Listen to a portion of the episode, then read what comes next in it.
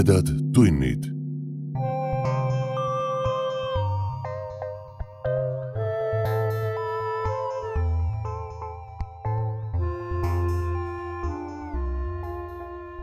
tere, hea ulmesõber.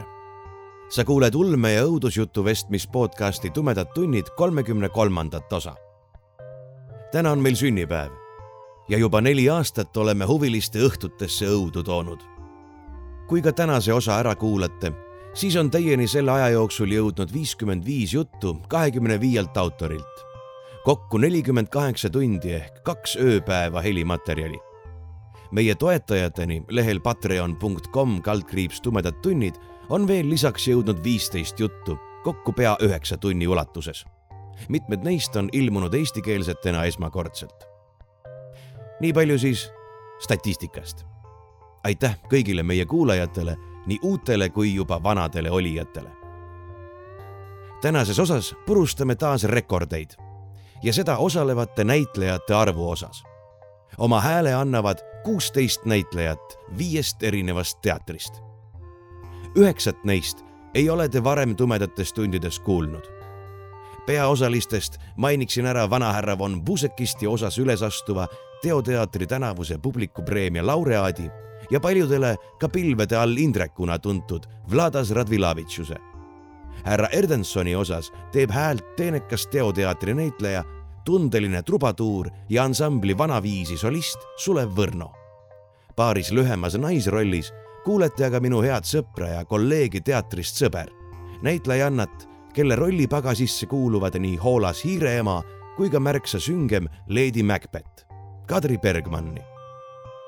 Lisaks neile teevad tänases osas kaasa Priit Mattiisen, Lennart Ooper, Gerli Kivistik, Monika Ausmees ja Helen Kaigu Teoteatrist Tanel Bergmann ja Aiki Öövel teatrist Sõber, Margus Prangel Von Kleeni teatrist, Mart Niinepuu Tammsaare teatrist, Eesti Väike- ja Projektiteatrite Liidu juht ja Banaanikala projektiteatri eestvedaja Allan Kress ning vabakutselised Tarmo Prangel ja Aive Niinepuu. Aga nüüd jutu enda juurde. selle autoriks on tuntud saatejuht, muusik, näitleja, orkestrijuht filmilavastaja, kunstnik ja paljudele üllatuseks ka viljakas ulmekirjanik Mart Sander. täna ettekandele tulev lugu on varem ilmunud Indrek Hargla koostatud ulmeantoloogias Eestid, mida ei olnud, kirjastuses Raudhammas kahe tuhande seitsmeteistkümnendal aastal ja Mart Sanderi autorikogumikus Kõhedad muinaslood, kirjastuses Literarity OÜ kahe tuhande üheksateistkümnendal aastal. ja egas muud siirdugemgi nüüd aastasse tuhat kaheksasada viiskümmend kuus, ühe päälinna ooperiteatri kulisside taha. me loeme teile Mart Sanderi õudusjutu Saatan Robert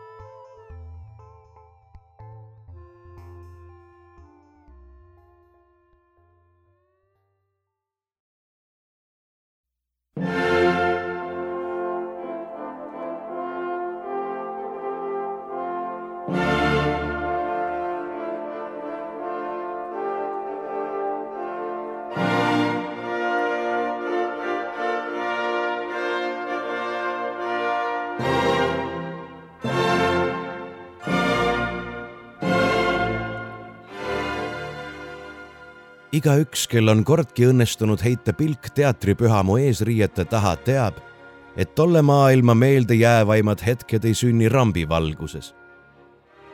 Need pole mitte tenori kõrge too, mis paneb lühtrikristallid klirisema või raevukas aplaus, mis lahvatab nagu välgumürin pärast heledat sähvatust, täiuslikult õnnestunud etendust.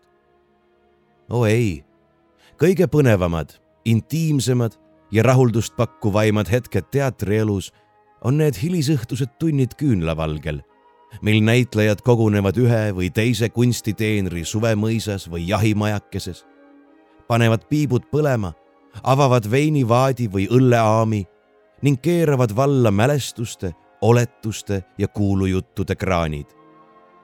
vanad veteranid heietavad teatrilegende, mida kõik on ammu kuulnud ent kuni seltskonnas on kas või üks debütant, teavad kõik, et pärimusi edasi anda on vanameistrite kohus, neid kuulda aga noorte privileeg. kiidetakse neid, kes on kohal, klatšitakse neid, keda ei ole, kirutakse moodsat ning igatsetakse tagasi eilse päeva muusikat, draamat ja publikut. see, et Tallinna teatritrupp käib alla, oli vanadele olijatele ammu selge. kui ilus olla elu olnud õndsa kotsepüha ajal, mil teatraalid kõik puha härrasrahvas olid, aadlipreilid, rikkad lesed, sekka mõningaid ausaid literaate ja saksa ülikoolidest tulnud koduõpetajaid. nüüd lubati kõiki kõikjale, nii saali kui lavale, isegi eestlasi. hea küll, aeg-ajalt võis ju ka neid saali lubada, eriti kui eestikeelseid etendusi anti, et uuendusmeelsematel tehtud valgustustööst süda rahul oleks. aga no kuulge, lavale Melpomene ja Taali altarile, kuhu tohtis astuda vaid hardalt langetatud päi. mida võis üks teenijanna või tallipoiss teada sellest ülevast kunstist? vanad tegijad, kes kõik oma sõnutsi olid noorpõlves Goethe või Schilleriga kätt surunud, vangutasid resigneerunult päid.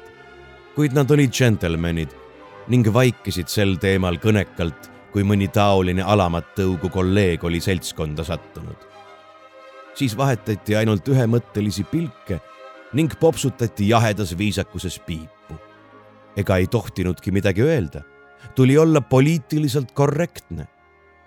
vanahärrad mäletasid veel, kuidas bariton Stürzwaage viis direktriss Gebhardi lausa kohtuni välja, kui see teda peaproovis Eesti eesliks nimetas. mida mees ju ometi ka oli nooremaid huvitas vana teatrieetika aina vähem. Prantsuse revolutsiooni tuuled, mis muud. Saksa kaupmees või raehärra Lesk lõid Eesti kutseri või lapsehoidjaga kokku nagu võrdne võrdsega. Üritati isegi maakeeles vestelda ja luuletusi kirjutada. Õnneks ei jõudnud selline libertinismus teatrimaja seinte vahelt linnatänavaile. see oleks olnud anarhia, kõige mõistusepärasel lõpp. sel õhtul oli koos rohkem trupiliikmeid kui varasematel aegadel. põhjuseid oli mitmeid. Imperaator Nikolai Esimese surm varakevadel oli pooleks aastaks vaigistanud kõik pillid ja sulgenud teatrid kogu impeeriumis. trupp oli igas suunas laiali lagunenud. alles sügisesed taaskohtumised näitasid, kui tugevad sidemed neid kõiki koos hoiavad. saadi kokku nagu suguselts uue hooga lõid lõkkele nii armusuhted kui intriigid. kõik see, mis loitvale teatritulele kütteks on.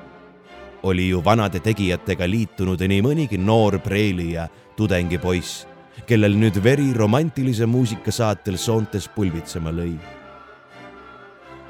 kuid esimesele innustusele järgnes peagi arusaamine, et kõik ei ole päris nii nagu vanasti. näis, et vanasse teatrimajja mille esimest hooaega mäletas ainult veel orkestri kõige vanem viiuldaja, olid hiilinud sünged varjud. Nimetu hirm, mis muutis koduse hoone õõvastavaks ja võõraks.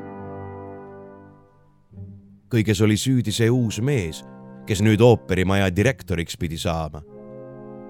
ta oli saabunud öötiiva all, mustade hobustega tõllas, mis nägi välja nagu surnukaarik vähemalt nii rääkis vana öövalvur, ise risti ette lüües.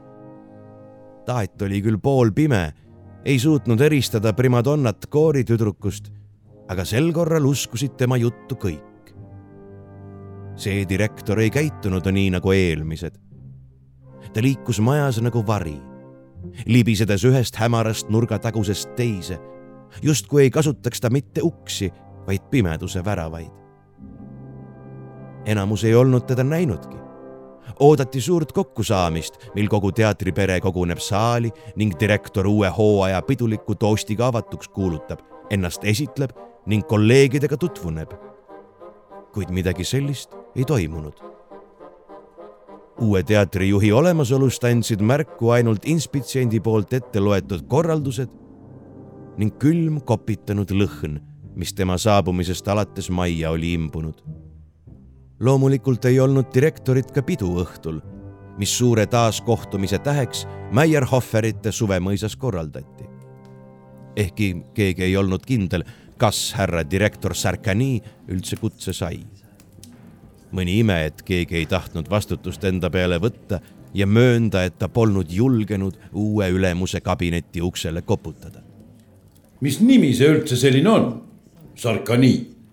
Küsis härra Meierhoffer juba mitmendat korda pigem retooriliselt kui vastust oodates. Meyerhöferid olid uustulnukad. härra ja proua olid koos oma Preili tütrega teatriperega liitunud alles eelmisel hooajal. mis neil jäi puudu andest, selle korvasid nad oma uhkete pidude ja lahkelt avatud rahakotiraudadega. ilmselt Ungari, pakkus vastuseks härra Erdenson, vana tegija. Või Transilvaania lisas kolleeg härra Jäkkel. Transilvaania, on nad seal üldse ristirahvas? muretses proua Meierhöfer valjuhäälselt. Peterburist olla määratud meile direktoriks helilooja Šramek, aga teda hoiavad tööd kuni jõuludeni pealinnas kinni. teatas härra Lessinski, tenor. keegi ei näiks ja teadvat, kust või milliste kanalite kaudu härra Sarkani siia üldse sattus. Te muud midagi ei ole kusagilt kuulnud muretses Preili von Püstrich, ontlik koorilaulja. ei muud, kui et Schrammek olla tahtnud direktoriks tulles tuua tagasi vana hea lõbusa repertuaari, Mozarti ja Gretry ooperid. oskas Lessinski veel lisada. aga mida härra uus direktor plaanib, see on veel segane. loodame, et ikka teeb targemaid valikuid kui too Fass. mõmises härra Beier õllekannu taga. direktor too Fass oli paari aasta eest tulnud Riiast ja toonud kaasa arusaamatu ja lärmaka moodsa lavastuse, kellegi Wagneri kirjutatud Tannhäuseri, liiderliku ja patuse vaatemängu.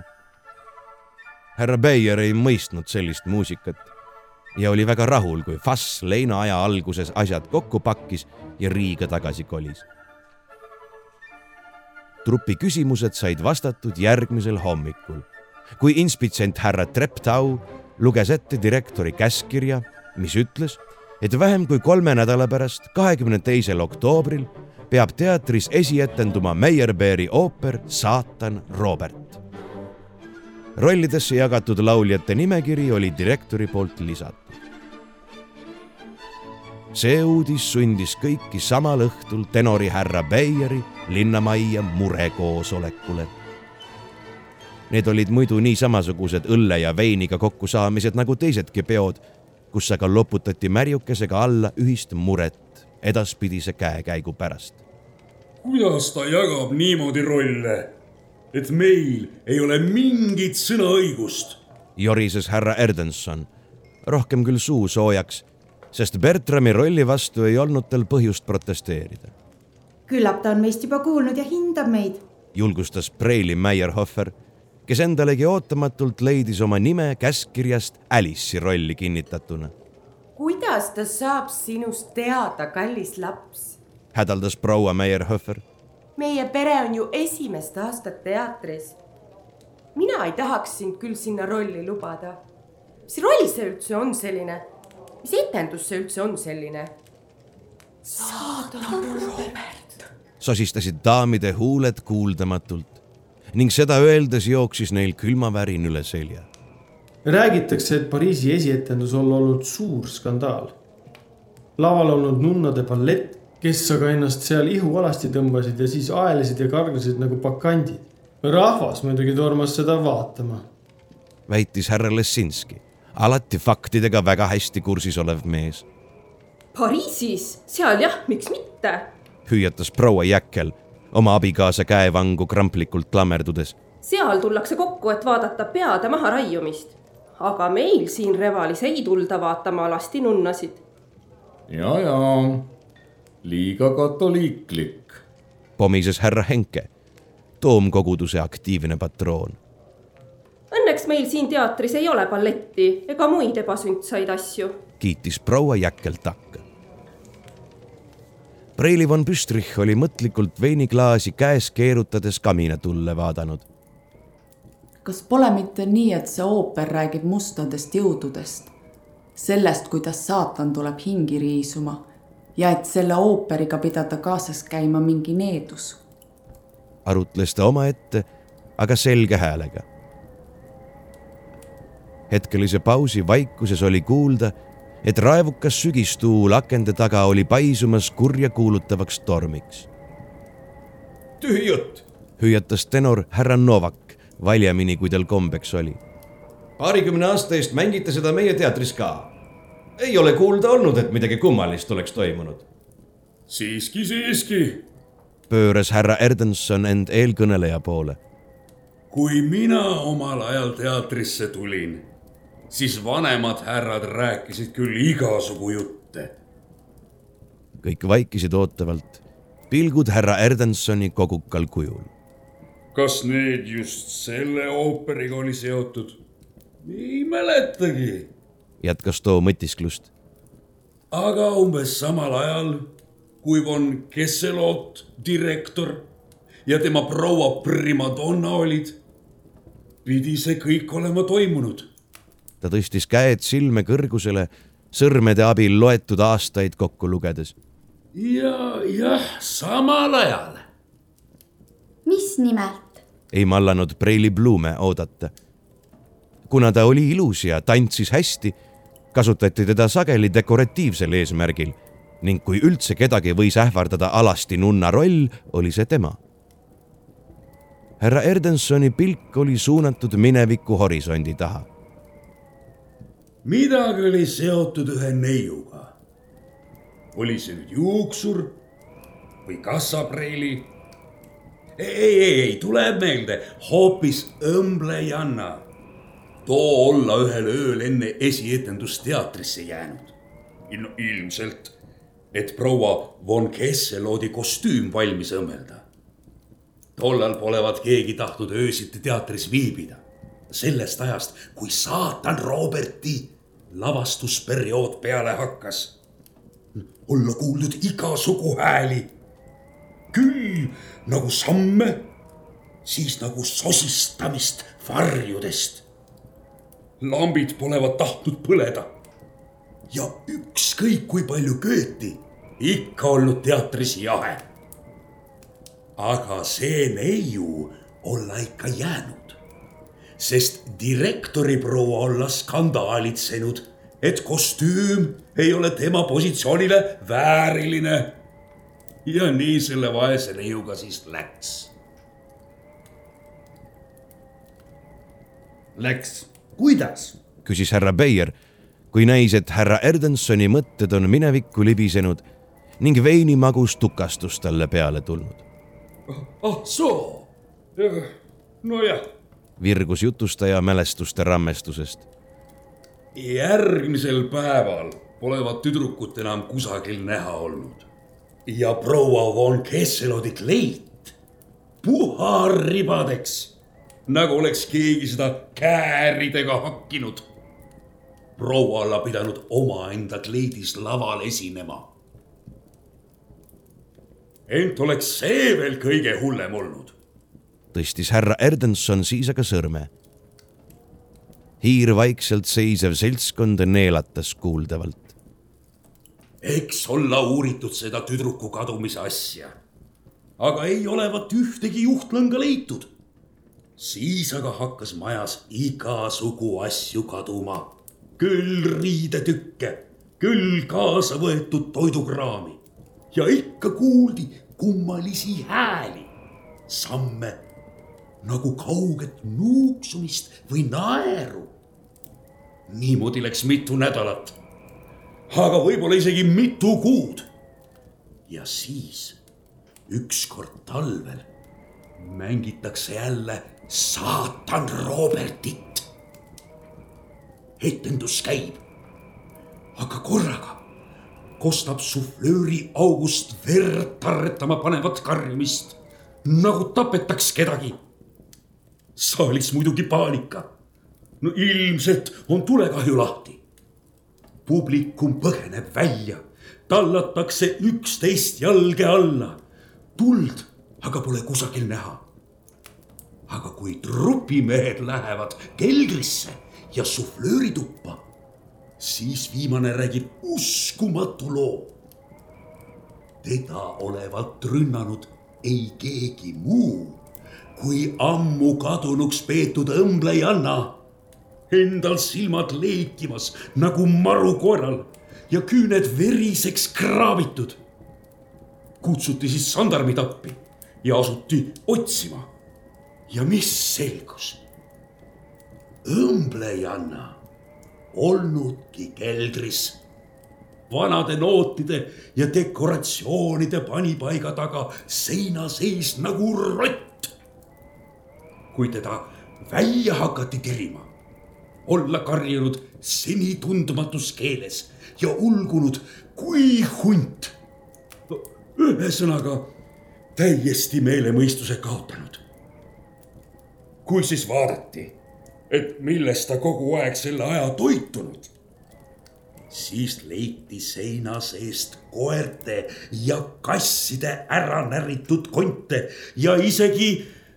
Härra Erdenson vaatas ebalevalt daamide suunas, kes teineteise lähedale olid tõmbunud. isegi sülelapse jäänused olla leitud. lõpetas jutustaja. daamid ahmisid õhku ja katsid näo kätega. härrad võtsid klõmaka veini kõik on toimunud meie teatris. hingeldas proua Meyerhofer. aga mis selle neiu siis hulluks ajas? Mõtiskles härra Lessinski. eks seal mingid tumedad jõud mängus olid. möönis härra Erdenson. miski tol ööl hirmutas vaese lapse nii ära, et ta hoobilt sõgedaks muutus. mis temast sai? sosistas Preili Blume ei tea, kas ta kusagil seegis oma päevad lõpetas. tuul lõgistas aknaluuke. Härrad valasid märjukest juurde ja süütasid uued piibud. kuidas me siit küll koju saame? muretses proua Meyerhofer, ehkki ta oli Troška juba aegsalt kella kümneks härra Beieri ukse ette valmis tellinud. me peaksime kõik koos külastama härra von Puusekisti tegi härra Jäkkel ettepaneku. tema oli von Kesselootide ajal teatrikassiir. pöördus ta siis rõhutatud lahkusega proua Meyerhöferi poole, et uustulnukas teatrielu saladustesse pühendada. mitte ainult, tõstis härra Henke pilgu. enamus olid arvanud, et ta on omaette palveisse süvenenud. ta oli ka teatri ametlik varjuvalvur nähes segast pilku nooremate preilide silmis, täpsustas ta. paarikümne aasta eest varjuvalvureid ehk varjudes liikujate järelevalve inspektoreid ikka veel rakendati. Et riigiasutustes ja ettevõtetes korda hoida. jah, ehkki tänu õndsa imperaatori Nikolai vabameelsele poliitikale ei mäletagi noorem põlvkond enam, kuidas vanasti elu oli nüüd ei tee keegi enam teist nägugi, kui vampiir või libahunt vastu tuleb. isegi kratist või kotermannist ei tehta välja. No aga kus oli teispoolsuse inspektor siis, kui mustad jõud teatris tegutsesid ja tüdruku hulluks ajasid? sõnas majaperemees trotslikult. eks ta nii oligi. paljud heitsid von Puusekistile ette tööalast hoolimatust. noogutas härra Henke. ta saadeti enneaegselt pensionile ja hiljem uue direktori ajal enam teispoolsusinspektorit palgale ei võetudki. leiti, et tänu imperaatori euroopalikele reformidele on kõik ebainimesed ühiskonda integreeritud ja mingeid probleeme nendega ei ole. härra Meyerhöfer, keda see teema väga närvi ajas, kiristas hambaid. rumalus, hüüdis ta raevukalt. kõik sellised peaks olema kas Siberisse saadetud või äärmisel juhul kuhugi Prangli saarele kust nad ei saaks korralikke inimesi kimbutada.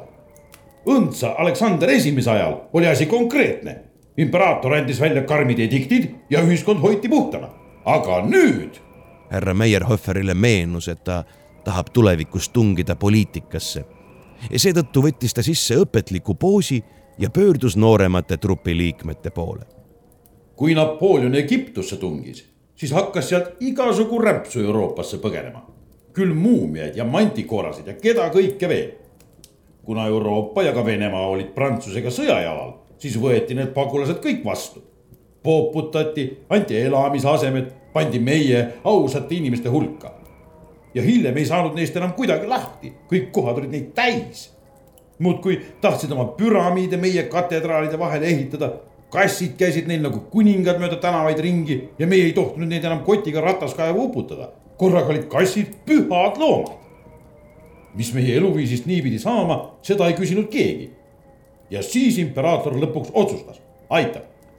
ei mingeid kodukäijate klubisid libahuntide liite, vampiiride öölaulupidusid, haldjate ja krattide ühinguid, näkkide spordiseltse, ebasurnute ärkamisliikumist, muumiate omakeelset haridust, marduste usuvabadust. kui tahavad meie hulgas elada, siis võtavad omaks meie usu, keele ja kombed. kui ei taha, paksu Margaretasse ja sealt Siberisse. Kas siis teatris pole kunagi ühtegi sellist olnud? sosistas Preili Beier ebamugavalt. no eks ikka on sosistatud, et üks või teine on selline. möönis härra Erdenson. kunagi üks bariton, Stürtsvage, eestlane, käis direktrissiga veel kohut. aga eks kõik teadsid, et ta oli libahundi kalduvustega. no olgem ausad eestlaste hulgas on libahundiks käimine päris levinud pahe. kõik noogutasid, sest õnneks ei olnud sel õhtul seltskonnas ühtegi eestlast. eriti aga just vampiire võib meie erialale sattuda. töö on ju pimedal ajal ja suviti on teater kinni. Vanasti nad vähemalt teadsid, kus on nende koht. noogutas ka härra Henke kes ilmselt alles mõttes härra Meyerhöferi poliitilist kihutuskõnet takka kiitis. olid oma kirstudes ja ei tüüdanud ausaid inimesi. nüüd ronivad kirstust välja, teevad oma propagandat siin rongkäike, süda läheb pahaks. vai südamesse sellistele. ja noored on täiesti käest ära. nüüd on vaata et moeasi vampiir olla. Hurjutas proua Meyerhöfer tuliselt takka. minu õepoeg, olgu taevas talle armuline on ka hukka läinud. muudkui käib öösiti vampiiride klubides pidutsemas, et seal olla parem muusika ja vabam õhkkond. ühel päeval ütleb veel, et tahab mõne sellisega abielluda. mis siis saab, kui seadus seda veel lubaks? siis sureb rahvas ju välja. jah, küütles härra Henke silmanurgas pisar. Meie vaene, väike, palju kannatanud saksa rahvas tuleb siiski olla sallivam. manitses leskproua Münster koorist. kuid tema sõnad ei langenud viljakale pinnale.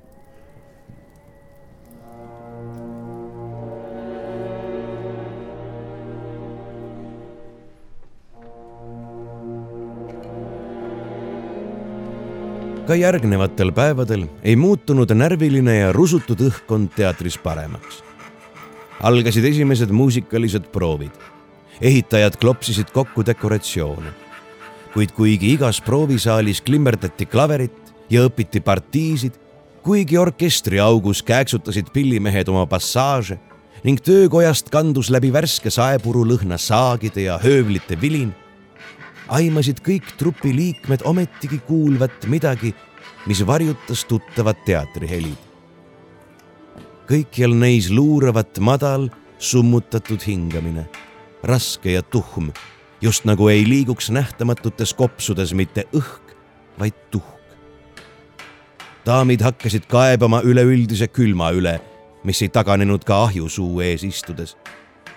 küünlad kippusid kustuma, nagu oleks hapnik nende ümber ära imatud või mürgise vinguga asendatud. trupp tuli proovidesse vastu tahtmist ilma vähimagi elu ja muusika rõõmuta. laupäeva õhtul võttis neid vastu vanahärra von Pusekist oma Toompea nõlvale klammerduvas sünges keskaegses majas, kust avanes vaade eemal pimeduses mässlevale merele. Enamus kokkutulnuid ei olnud majaperemeest kunagi varem näinud. nüüd vaid ratastoolis istuv raugake ei käinud enam väljas ning näis tänagi ligi kakskümmend viis aastat hiljem teatri juhtkonna peale vimma kandvat. ta kuulas teraselt kõike, mida härrad Erdenson ja Henke talle olukorrast rääkisid. kus härra direktor üldse Revalis peatub? küsis härra von Pusekist, kui raport oli kuuldud ja kõik ootavalt tema otsa vaatasid. ta näiks esialgu teatrimajas elavat. ütles inspitsent härra Treptau kõhklevalt.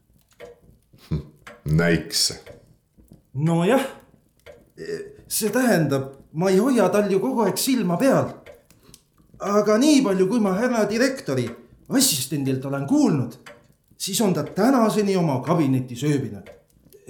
Seal on ju suur nahkdiivan. äkitsi ta on siis otsustanud hetkel teatrimajas peatuda. kas te siis pole ise tema kabinetis käinud? imestas härra Erdenson. ma olen tõesti hetkel ainult suhelnud selle assistendi kaudu. möönis inspitsent, tundes ilmselgelt piinlikkust selle üle, et ka tema positsiooniga mees on uue direktori kabineti ukse taha jäänud. See assistent on andnud mulle edasi mõningad korraldused ja sõnumid, mis trupile ja töötajatele ette lugeda. ükskord, kui kabineti uksele koputasin, ütles ta, et härra direktor on nõupidamisel, teinekord aga, et on majast väljas. ehkki mina mingit liikumist ei märganud ja nõupidamisest ka midagi ei teadnud. üldse see assistent ei taha väga kellegagi suhelda ja peab ütlema, et tema saksa keel on ka halb. Ilmselt keegi ungarlane või rumeenlane. mõeldes võõrapärasele tõmmule mehele, keda võis aeg-ajalt näha vilksamisi nurga taha kadumas, võdistasid daamid õlgu. Te tahate öelda, et ligi kahe nädala jooksul ei ole keegi teist härra direktorit oma ihusilmaga näinudki? küsis härra von Pusekist pärast mõttepausi, iga sõna rõhutades. Tänaseni tundub, et ainus, kes teda tõesti nägi, oli vana öövalvur. see, mis ta nimi nüüd oligi? ei suutnud härra Erdenson meenutada. ka teised kehitasid nõutult õlgu. vana mõisaküla Jüri. kostis teatri kassiiri härra Stefani hääl. Tema oli ilmselt ainus, kes teadis kõiki teatrist palka saavate inimeste nimesid. lisaks oli ta eestlane ja suutis öövahi hääldamatut nime kuuldavale tuua. ah jah, vana see sammunegi nõustus härra Erdenson. me peaksime temalt täpsemalt uurima. mismoodi see härra direktori saabumine välja nägi? Kas vanal, jah, tollel on mingi elukoht ka üles tähendatud? härra Stefani pilgutas mõistmatult silmi. vana Jüri on juba kaks nädalat maamullas. kas te siis teatriste tahvlit ei loe? ma tähendasin seal ammu, et vanamees saadetakse ära pühavaimu kirikust seitsmendal oktoobril. trupp vaatas kohmetult ringi. noh, kes ei jõuab seal kõiki teatisi lugeda? üritas proua Meier-Höffer naeratades vabandada. ühesõnaga, öövaht suri paar päeva pärast seda, kui ta oli direktori härra majja sisse lasknud. küsis härra von Pusekist ja see ei tundunud teile kahtlane? oleks me vaid teadnud, kehitas härra Erdenson kahetsevalt õlgu. Härra Stefani turtsatas vaevu kuuldavalt. kui härra direktor Sarkani on vampiir, siis ei saanud ta ilma kutsumata üle läve tulla. arutles maja peremees nõrgal häälel. aga pahaaimamatu kutsuja on sageli vampiiri esimene ohver. me peaksime konstaabli appi paluma. hädaldas proua Jäkkel omaette. aga kui lubate. Kostis taas härra kassiir Stefani hääl. ka Preili Blume on ju härra direktoriga kohtunud. tema peaks ju oskama meile üht-teist rääkida. trupi nägudelt peegeldus juhm mõistmatus. miks ja kuidas peaks Preili Blume olema direktori härraga kohtunud? nõudis proua Scholz esisopran. vampiir või mitte vampiir, aga see, et Cory Preili kutsutakse primadonna asemel direktori vastuvõtule, ei olnud aktsepteeritav. kassiir Stefani ohkas tülpinult. see oli härra direktori soov. ma panin sellekohase märkuse ka teatiste tahvlile. kas te tõesti kunagi teatiste tahvleid ei loe? seltskond vaatas ärevalt ringi. kas Preili Blume pole siin? küsis härra Jäkkel. ta on ju alati meiega ta jäi minust teatrisse. ütles Preili von Püstrich, kes jagas Preili Blumega garderoobi. aga kell hakkab juba üheksa saama. kuidas teda siis siin ei ole? hüüatas proua Meierhöfer ärevalt. härra von Pusekist tõstis kahvatusinised silmad, millele oli laskunud kae nagu igavene udu. kui härra direktor on see, keda me arvame ta olevat, siis te vaevalt oma kolleegi enam näete. ja võib-olla on nii ka parem. sest kui te teda näete, ei pruugi ta enam olla üks teie seast. seltskond seisis ristatud sõrmede ja langetatud pilkudega. kas äh, nende kahe nädala jooksul pole keegi rohkem kaduma läinud? kui ma nüüd mõtlen avas kassiir Stefani suu ning kõigi pilgud pöördusid talle. midagi kurja kuulutavat oli neis sõnades. kui ma nüüd mõtlen, siis eelmisel nädalal ei ilmunud õmblejanna Maret palka nõudma. aga ma ei murdnud selle üle tol hetkel pead, sest tüdrukul on tihtilugu päevad sassis. ja üle-eelmisel nädalal ei tulnud parukameistri abiline Preile Amber palga järgi aga tema kohta ütles direktori assistent mulle, et Preili oli küsinud vaba nädala, et sõita mu õe pulma Kuramaale. Preili Amberil ei olnud õde, ta oli orvuke. ütles mornilt proua Scholz, kelle ilusate lavalokkide saladuse taga peitusid Preili Amberi oskused. püha taevas, sosistas Preili Meierhofer. ta oli veel süütu ning aimas pooleldi hirmu, pooleldi erutusega et just tema võib olla järgmine, kes saab kutse direktori kabinetti. nii ei jää meist esietenduseks enam kedagi järgi. soigus Preili von Püstrich. ka teda vaevas süütuse taak ja ehkki seda juba üle neljakümne aasta, haistis temagi ohtu. esietendus on teil millal? küsis härra von Pusekist. vaevu nädala pärast, kahekümne teisel oktoobril. mühatas härra Erdenson, vuntsid õllesed majaperemees vangutas etteheitvalt pead. Egiptuse päev huh.. keegi, keegi ei tee esietendust Egiptuse päeval. mis see tähendab? küsis Preili Meierhöfer. see on üks aasta õnnetutest päevadest. vanad roomlased kutsusid neid dies nefastus usuti, et Egiptuse astroloogid arvutasid need välja ning just neil päevil leidsid aset piiblist tuttavad Egiptuse nuhtlused. oktoobris on kaks sellist päeva, kolmas ja kahekümne teine. kolmanda varahommikul saabus härra direktor teatrisse. pomises inspitsent Treptau kui ma ei eksi, siis kahekümne teisel leiab aset veel üks maagiline sündmus. ajas härra von Pusekist ennast sirgu ning haaras teenija kutsumiseks mõeldud kellukese. no seda asja teab mu toapoiss paremini. vaatame, mis tema ütleb. läbi raskesse hämarusse ja piibusuitsu uppunud saali tõusid kellukese hõbedased helid lendu nagu parv küütlevaid kiile. veel enne, kui need helid sametkardinate ja vanade raamatute tolmus jõudsid hääbuda, avanes uks ning sisse astus härra von Pusekisti toapoiss, justkui oleks ta ukse taga luurates oma isanda kutset oodanud. ta oli väga suurt kasvu ning erakordselt koledate, nurgeliste näojoontega, mida ei suutnud pehmendada isegi tema kahlusjuuksed ja ümar habe külalised tõmbusid kahte lehte.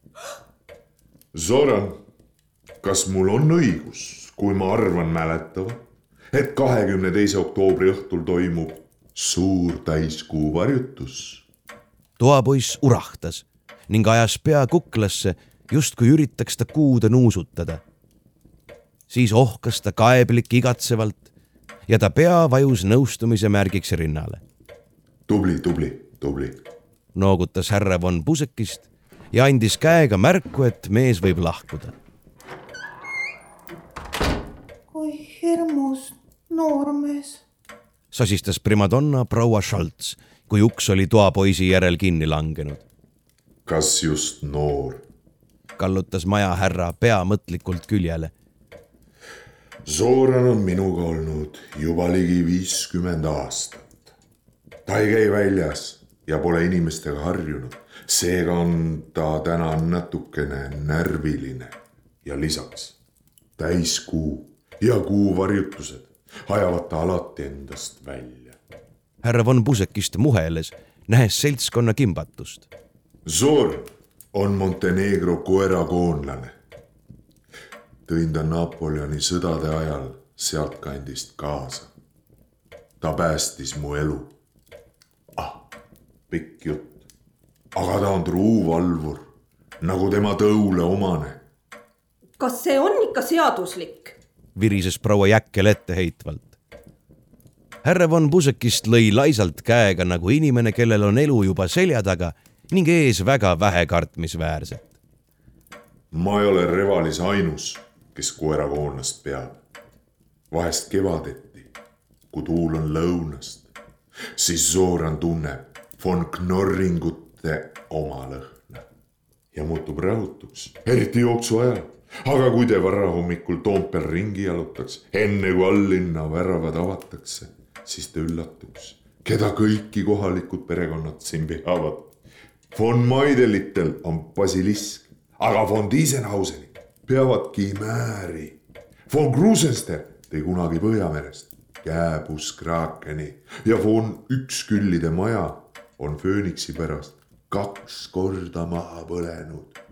üks härra kelle nime ma ei taha mainida, sest ta on raeesistuja. elab juba aastaid harpüüaga kokku, vaene mees. ah jaa, muidugi, von Wrangelitel on päris tore näkk lapsehoidjaks. Nad ükskord võtsid tolle siia kaasa. Zoran algus urises, aga pärast mängisid ilusasti koos. Ainult tuli kogu aeg peale passida, et mängu käigus järeltulijaid ei tehtaks. kus sa pärast sellised paned? härrad muigasid, daamid punastasid. kuid majaperemehele näis juba uus mõte tulnud olevat. härra Erdenson, ulatage mulle palun see Kota almanah sealt riiulist. ei, ei, ei, see, see sealt vasakult, ei, ei, see vanem, esimene trükk. Jah, nii, näidake mulle valgust, palun sadakond aastat vana paksu raamatut ei olnud vist aastaid avatud. majaperemehe sõrmed libisesid üle koltunud lehtede. tema huuled sosistasid kuivalt ammu surnud nimesid. siis ta peatus. nii, Kota aadlialmanah esimene köide, aasta üks tuhat seitsesada kuuskümmend kolm, Sarkaniide suguvõsa Transilvaania. Perejuured ulatuvad Attila aegadesse almanahi ilmumise ajaks oli perekonna meesliin juba välja surnud. viimasena mainitakse siin kedagi Ksenia von Sarkaniit. sündinud üks tuhat seitsesada üks ja abiellunud kellegi vene bojaariga. ta laksatas valjult keelega ning ajas ennast uhkelt nii sirgu, kui vana selg võimaldas minu naaber, baroness von Üksküll, see, kes meie kõigi meelehärmiks Phoenixit peab, on kuuldavasti Ungarist pärit. proua neiupõlve nime ma ei tea, aga ristinimi on tal Ksenia. ahah. nii, nüüd on kõik selge. mis on selge? ei taibanud härra Meierhöfer. no eks ikka see, kuidas härra direktor Sarkani siia sattus.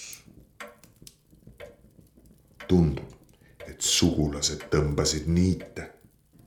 kas mitte Raerav on üks küll ei ole teatrimaja nõukogus. kõik teadsid, et ta on seda. aga pa parunes von Üksküll ei, ei ole ju ometi võimalik. kokutas proua Meierhöfer. ka majahärra vangutas pead.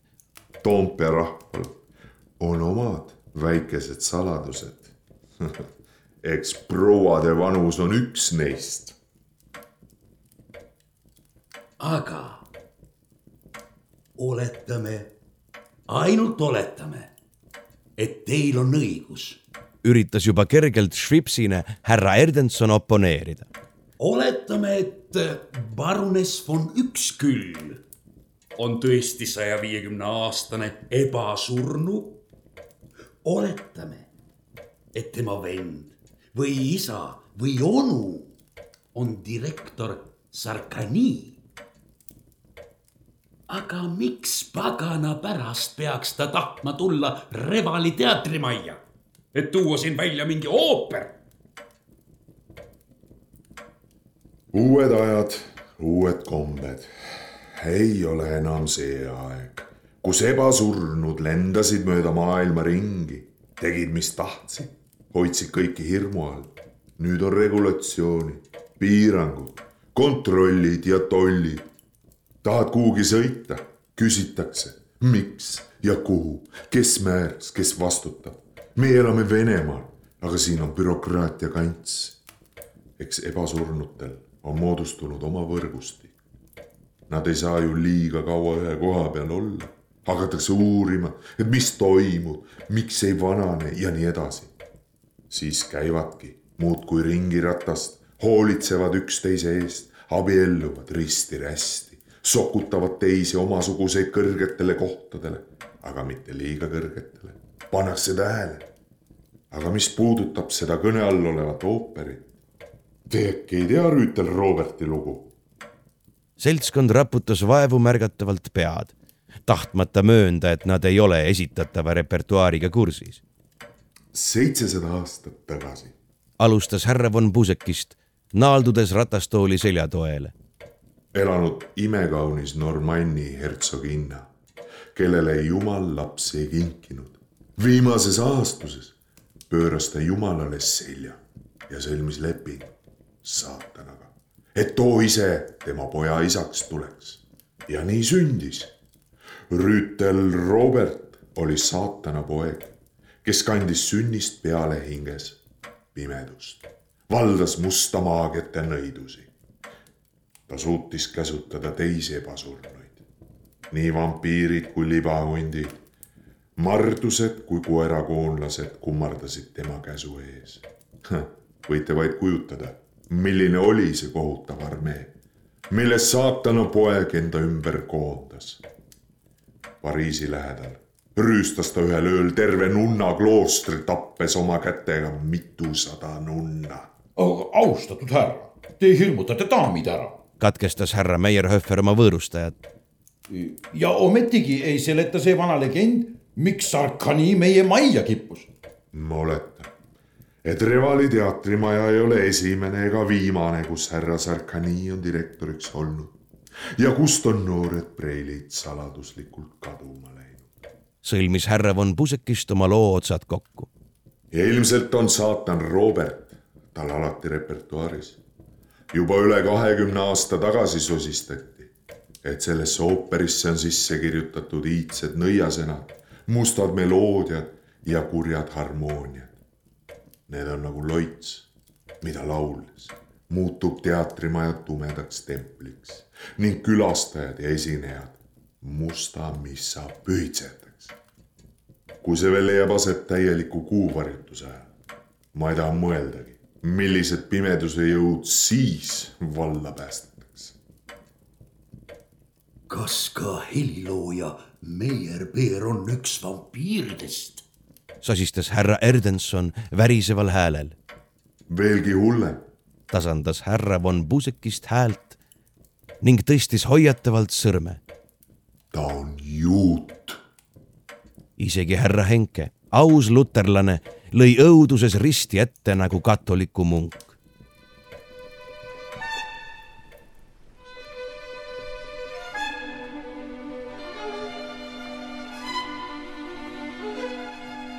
Esietenduse päev lähenes palavikulise kiiruga. iga päevaga sai selgemaks, et teater langeb üha sügavamale tumedate jõudude meelevalda. kuid abi polnud kusagilt oodata. ilmselt seisid raehärra von Üksküll ja veel teisedki ebasurnute lõksu langenud võimukandjad hea selle eest, et kõik petitsioonid ja palvekirjad vastuseta jäid. Preili Blume jäi endiselt kadunuks.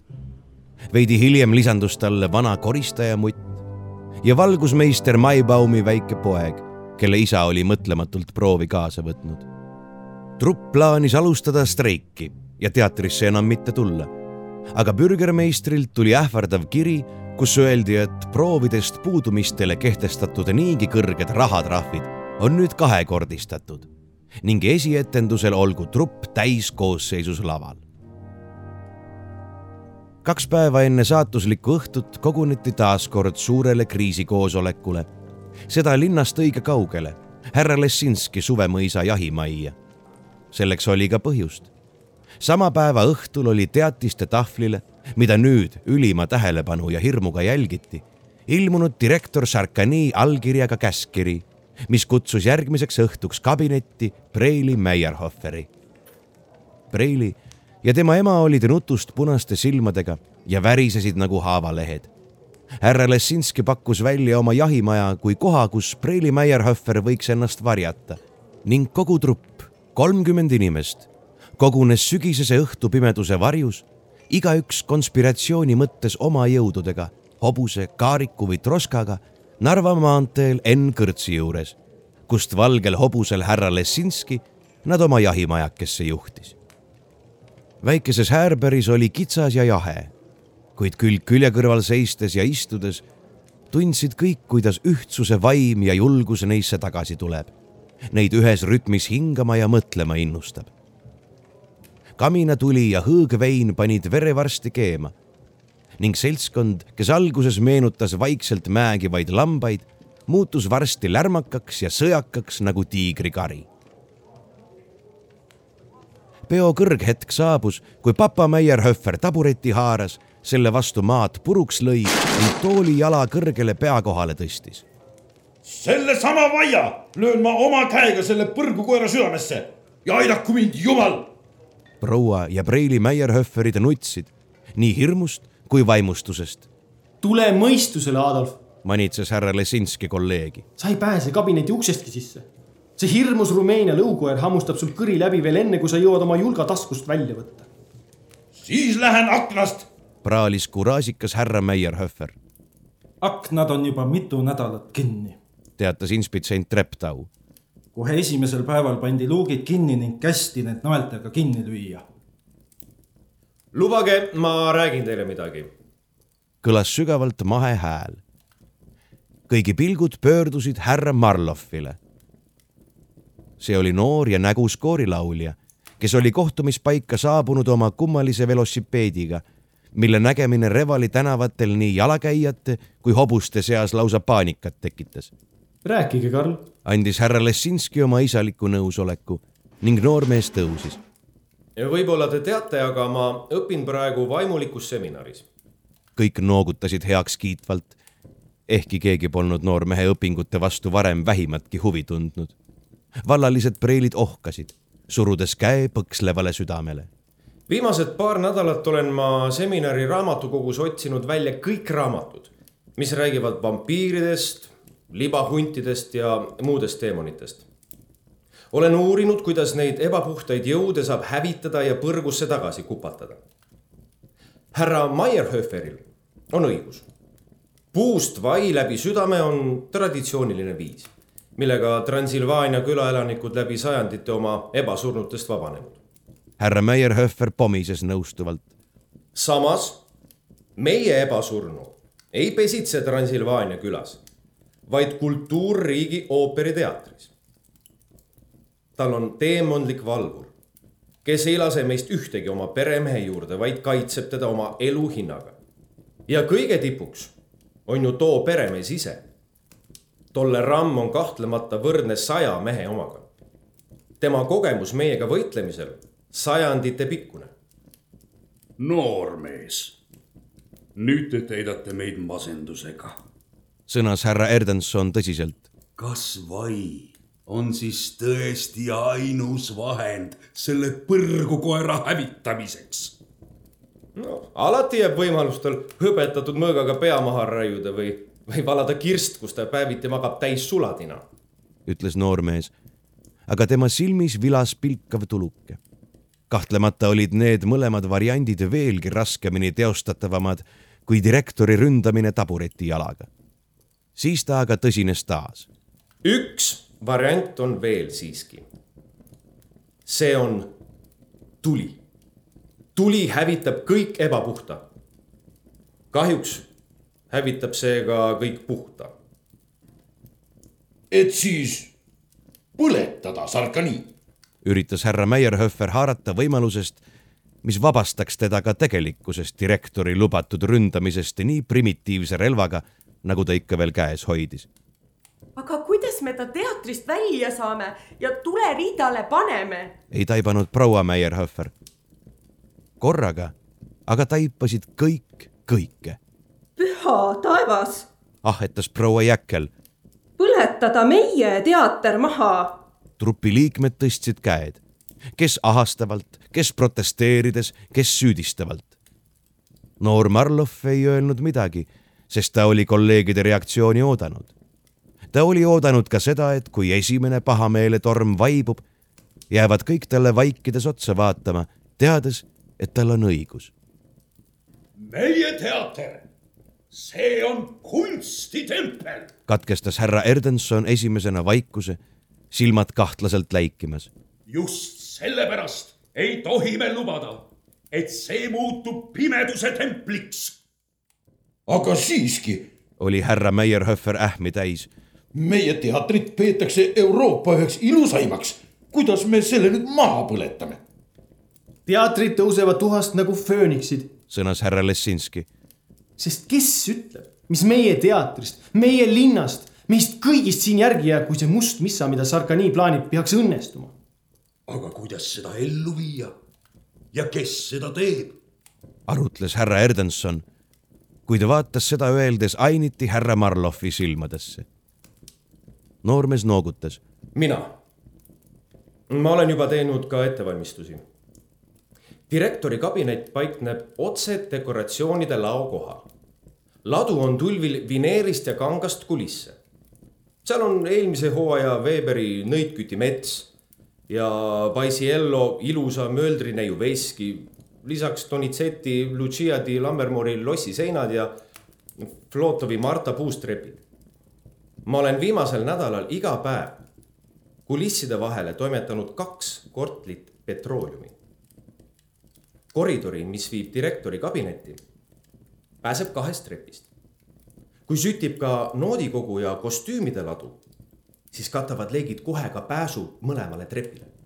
meie ilusad kostüümid. ahastas proua Jäkkel. Te olete kõik targalt läbi mõelnud. pani härra Erdenson käe noormehe õlale. miks te meile sellest ometi varem ei rääkinud? Ma pean protesteerima. kõlas kassiir Stefani virisev hääl. teatrivarad ulatuvad kümnetesse tuhandetesse kuldrubladesse. ma ei saa võtta vastutust. jääge vait, Stefani. käratas härra Lessinski. kelle huvide eest te praegu siin seisate? kas ta äkki ei ole ise üks nende hulgast? kraaksatas proua Meyerhöfer hüsteeriliselt. just see on põhjus, miks ma sellest kõigest varem ei rääkinud. hüüdis härra Marlov enne kui trupi liikmed kassiir Stefani kõri järele haarata jõudsid. kui meist keegi on ebainimene või juba Sarkani mõju all, siis ei saanud ma riskida, et see olend minu plaanist oma isandale ette kannab. täna on kõik siin ja seega võin ma olla kindel, et kui mina siit praegu lahkun, jõuan ma teatrisse enne, kui Sarkani käsil on. Te kavatsete kohe juba täna öösel? neelatas härra Lessinski jah, homme hommikul ja õhtul on peaproovid, siis on majarahvas täis. ja pärast õhtust peaproovi on Preili Meierhöfer kutsutud Sarkani kabinetti otse põrgu koera koopasse. minu südametunnistus teda sinna minna ei luba. kas teie oma lubaks? Teil on õigus. ma annan teile oma hobuse, minge, minge kohe ja valvaku looja teie üle. ma tänan, auväärne kolleeg. Teie aga valvake Preili Maierhöferit ja kogu meie truppi. kui keegi ebapuhas end meie hulgast peida, ei tohi ta siit lahkuda, et oma isandat hoiatama tõtata. ärge muretsege. kinnitas härra Lesinski ja osutas kamina kohale seinale risti asetatud musketitele. sellisteks olukordadeks on mul juba ammu hõbekuulid rauas. kui Marlov Lesinski valgel hobusel pimedusse oli kadunud, istus trupp haudvaikuses, pilgud suunatud kitsastest akendest aeglaselt mööda purjetavale täiskuule. umbes tunni aja pärast hakkas puulatvade tagant paistma punast kuma. leegid kaminas vaibusid süteks, vahaküünlad uppusid iseenda sularasva. saalis võttis maad pimedus, kuid keegi ei liigutanud ega öelnud sõnagi. punane kuma revali kohal taevas vaibus alles siis, kui uue päeva hallikad kiired metsa vahelt pimeduse hajutasid.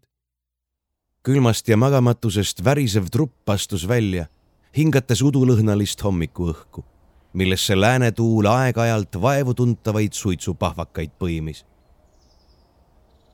kui silm juba seletas, liiguti tagasi kõrtsi juurde. sealt renditi hobused ja paar troskat ning sõideti linna.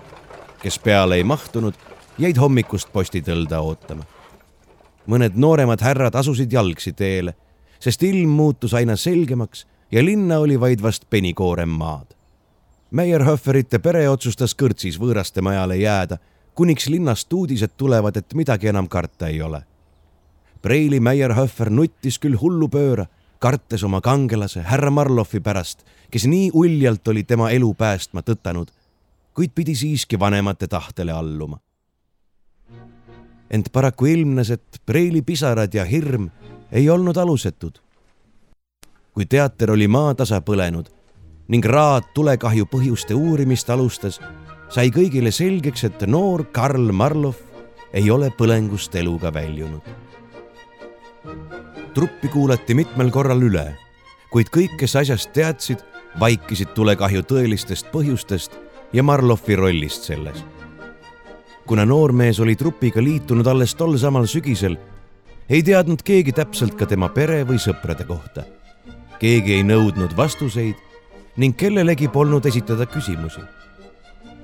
ent trupi silmis oli noormees kangelane ning talle korraldati ühiste rahadega uhke ärasaatmine toomkirikus, ehkki kirstu pandi vaid sümboolne peotäis teatrist järele jäänud tuhka.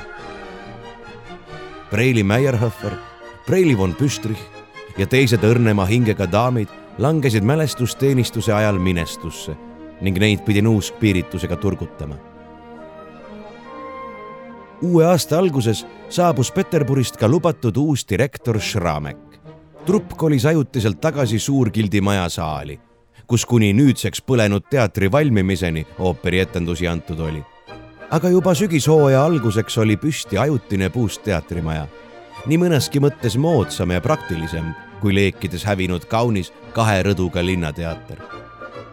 suur osa trupist tuli jälle kokku, kuid sopranirühma tuli korraldada ulatuslik vastuvõtt. ilmnes, et nii Preili Meyerhöfer, Preili von Püstrich, Preili Beier kui veel kaks vallalist kooripreilit olid kõik juulikuus prisked pojad ilmale toonud. kuna preilid olid vallalised, üritati skandaali küll kalevi alla lükata kuid teatrirahva eest ei jää iial midagi varjatuks. sosistati, et poisid olid kõik ühte nägu, juba sündides tumedate lokkis juuste ja roheliste silmadega. täpselt sellised, nagu oli olnud nägus Karl Marlov.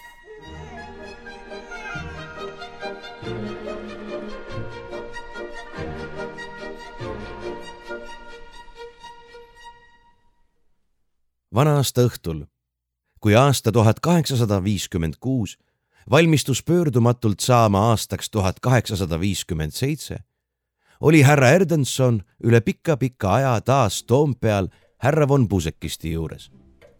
ta oli sügisest alates teatritööst loobunud, tegeles nüüd rohkem oma maavalduste korrastamise ja hobuste kasvatamisega, kuid käis regulaarselt Revalis uusi laulumänge ja oopereid vaatamas majaperemees tõstis toostiks veiniklaasi. selle terviseks, et oleme nüüd mõlemast sarkaniist vabad. kuidas nii? noh, üksküllidel ju põles maja sel suvel jälle maha, lauritsa päeval. ime, et minu maja tuleroaks ei langenud. kas teie ei teadnud? ei. Ma olin terve suve Preisimaal tervisevetel. kas parunes von Üksküll hukkus tõesti leekides? tema oli üks kaval teeskleja. lasi meil arvata, et see on see tema fööniks, kes millegipärast kogu aeg iseenesest süttib ja maja põlema paneb, aga tegelikult oli ta ise. no, no ta oli ise Sarkanii. aga Sürkini on Ungari mütoloogias inimnäoline tuld sülgav draakon. Need süütavad ise tulekahjusid. see meenus mulle alles üsna hiljuti. mis parata, vanadus vanadus. süütavad ise. just, ise liiguvad paigast paika ja lahkudes põletavad oma pesa maha. aga, aga ta ju elas siin ikka mitmeid aastaid. uuris Erdenson tema alateadvuses oli hakanud liigutama mingi väga ebameeldiv ja kahtlane aimdus mida ta iga hinna eest maha üritas suruda. no ega nad kohe ei põletagi, rääkis härra von Pusekist veiniklaasi käes keerutades ja selles vastu kumavaid kaminaleeke silmitsedes. Nad enne rikuvad süütuid hingi, nii palju kui võimalik. Nad toituvad sellest naiivsest armastusest, mida ilma süüta inimesed neile pakuvad. kui järgi mõelda siis paruness von Üksküllist räägiti ka igasuguseid jutte. et perekonna kutsar oli aastate eest temasse nii sõgedalt ära armunud, et paruni härra pidi vaese mehe maha laskma. ja isegi levisid jutud, et härra olla oma parima noorpõlve sõbraga duellil käinud. sest sõber olla ka proua võlude ohvriks langenud. no ja eelmisel suvel just veidi enne seda tulekahju. siis sosistati üldse väga kummalist lugu, et parun Ükskülli noored vennapojad, kes tulid koolivaheajaks onule külla, olla mõlemad oma kaunisse tädisse nii ära armunud, et parun pidi nad vägisi, vägisi Peterburgi kadetikooli tagasi saatma. noh, ja küllap siis Sarkanil sai süüta hingedest isu täis, pani maja põlema ja kadus ise. midagi temast pärast ei leitud. parunihärra korraldas tühja kirstuga matused. ainult peotäis maja tuhka pandi kirstu. Härra Erdenson istus, nagu oleks ta kivistunud samas on kummaline, et teie, Sarkani, oma kabinetist kunagi ei väljunud ja ennast kellelegi ei näidanud, lastes meil uskuda, et ta on vampiir. jätkas härra von Puusekist, kelle silmad olid kaest nüüd nii paksult looritatud, et ta härra Erdensoni kangestunud kuju enam suurt ei seletanud. sest kui ta oleks ringi liikunud ilma vähimagi kahtluseta, oleks ta olnud väga nägus mees eks nagu ta õdegi, mustade lokkisjuuste ja roheliste silmadega. kahtlemata oleks kõik kooripreilid, koristajad ja õmblejannad tema eest nõrkenud. toomkiriku kell hakkas lööma kesköötundi. roosit ja õnnistatud uut aastat. tõstis härra von Pusekist klaasi sinna kus ta oletas härra Erdensoni istuvat.